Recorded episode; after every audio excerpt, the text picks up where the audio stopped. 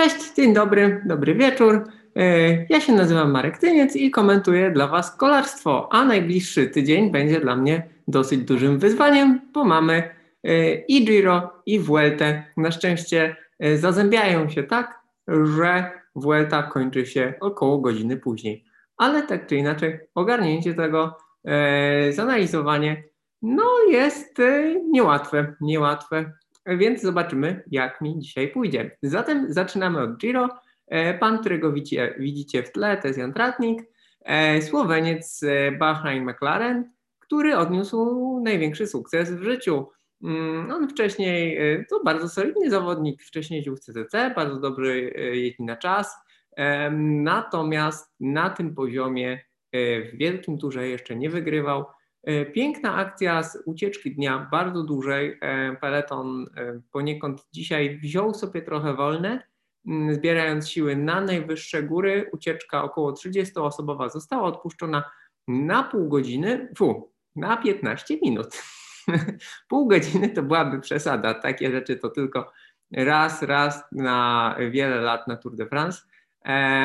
W każdym razie te 15 minut to i tak bardzo dużo.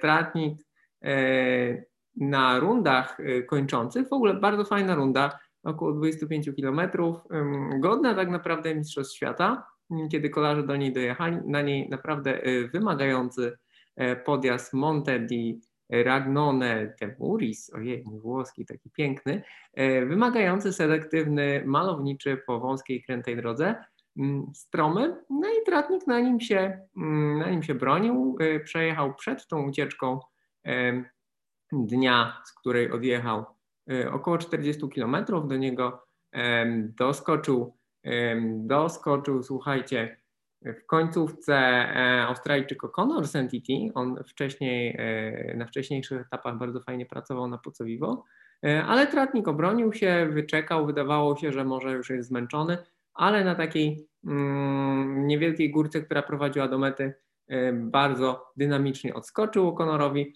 no i wygrał etap. Piękna sprawa. E, w tej e, ucieczce dnia jechał Kamil Małecki również z CCC, no i świetnie się pokazał. Finiszował czwarty, e, był aktywny, naprawdę jechał bardzo fajnie, szukał swoich szans, szukał szansy na wygranie etapu.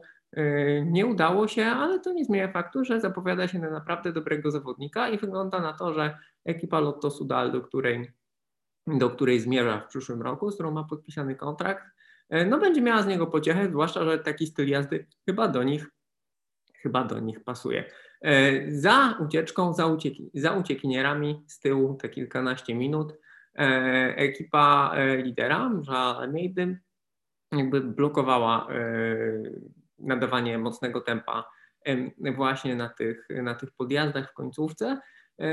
Kolejne rundy były przejeżdżane w ten sposób, że oni całą ławą jechali z przodu grupy i, no, i uniemożliwiali jakiekolwiek zagrywki, a wydaje się, że ten podjazd był na tyle selektywny, że tam coś się mogło wydarzyć i dopiero na ostatnim e, faktycznie wzięli się do roboty. Nastąpiła selekcja, także w peletonie zostało około 30 zawodników. Oni ten ostatni podjazd pojechali e, prawie 1900 metrów na godzinę, e, około 9 minut podjazd, więc bardzo, bardzo szybko. Więc widać, że gdyby to był na przykład y, wcześniejsza faza wyścigu, albo jutro nie czekałyby duże góry, no to tam mogłaby być prawdziwa rzeź. Natomiast Almeida i tak skoczył, skoczył na metę, zaatakował, e, zyskał dwie sekundy.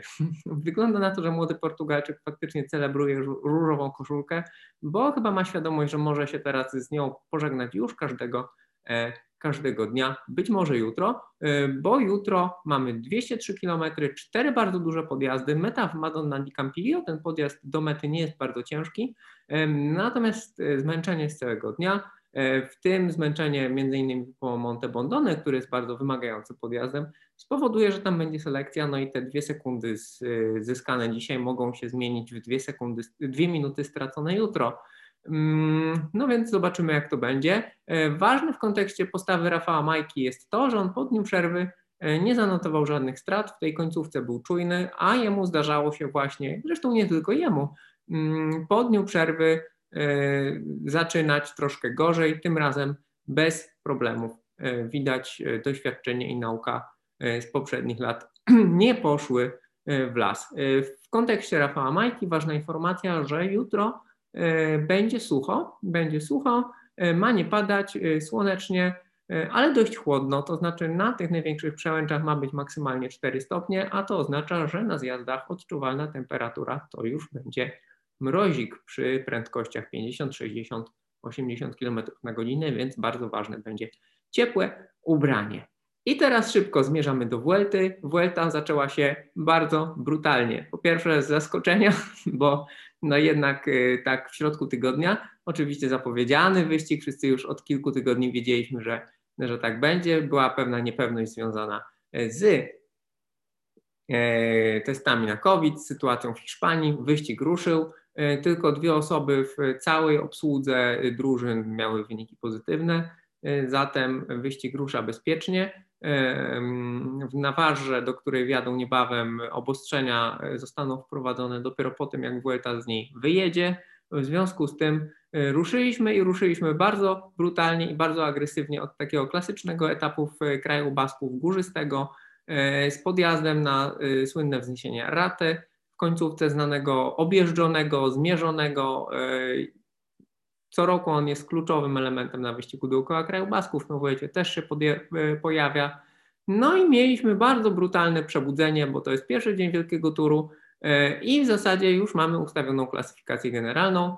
Na ratę zameldowała się ósemka zawodników, Roglic, Kus, Carapaz, Dan Martin, Chavez, Gross Schartner, Enric Mas i Hugh Carty. E, I oni pojechali bardzo szybko, nie pojechali w rekordowym tempie, ale mm, pojechali około 13 minut, e, praktycznie tak samo szybko jak Pogaczar w zeszłym roku na wyścigu dookoła, dookoła kraju Basków. Średnio 6,3, 6,5 W na kilogram i trudno się dziwić, że mm, z tyłu za nimi, e, z tyłu za nimi odpadali kolejni zawodnicy. Valverde i Dimulę stracili 50 sekund. Cała reszta jeszcze więcej, to już trudno nawet i nie ma sensu troszkę wymieniać. Oczywiście to jest długi wyścig, można się zastanawiać, czy zawodnicy, e, którzy byli w tej czołówce, wytrzymają do końca, bo oni wszyscy jakby nie mieli odpoczynku po Tour de France, ścigali się w międzyczasie. E, wyścig e, rozgrywany jest też dość późno, oczywiście pogoda, zimno, to wszystko. Bardzo porywisty, porywisty wiatr, trudno powiedzieć, czy on pomagał, czy on przeszkadzał tego nie wiadomo. E, ważne jest to, że Primoz Roglic po wcześniejszych atakach i genialnej pracy Sepakusa w samej końcóweczce, która już jest taka lekko płasko zjazdowa, zaatakował bardzo dynamicznie, odrobinę zyskał, no i wygrał etap. To jest, e, on dołącza do takiego ekskluzywnego grona tych zawodników, którzy mają przynajmniej po dwa etapy w każdym wielkim turze, a być może za chwilę będzie miał po trzy, bo ma trzy w turze, trzy w Giro, teraz ma dwa etapy Vuelty, no a Vuelta dopiero się Vuelta dopiero się zaczyna, e, więc no mamy tą pierwszą ósemkę, z której prawdopodobnie będą odpadali kolejni kolarze. E, cieszy dobra pozycja e, i dobra forma Chaveza, cieszy dobra forma Dana Martina. Ineos ewidentnie stawia na Karapaza, Karapaz w bardzo dobrej dyspozycji. No, Chris Froome się męczył, męczył, no i zobaczymy co będzie. Oby, oby w ogóle dał radę cokolwiek na tym wyścigu zrobić, w ogóle go ukończyć. Jutro też ciężki dzień, jutro 150 km, 16 km przed metą premia górska pierwszej kategorii niełatwa, 9,5 km, średnia stromizna 8%, w końcówce 15%, więc dobre miejsce do ataku. E, ciekawe dla kogo. Zobaczymy, czy Kus dostanie jakąś szansę dla siebie. Zobaczymy, co Roglic. Roglic świetnie zjeżdża. E, więc będzie się działo. No i trzeba to wszystko jakoś ogarniać, moi drodzy. Dziękuję Wam uprzejmie i do usłyszenia jutro. Cześć.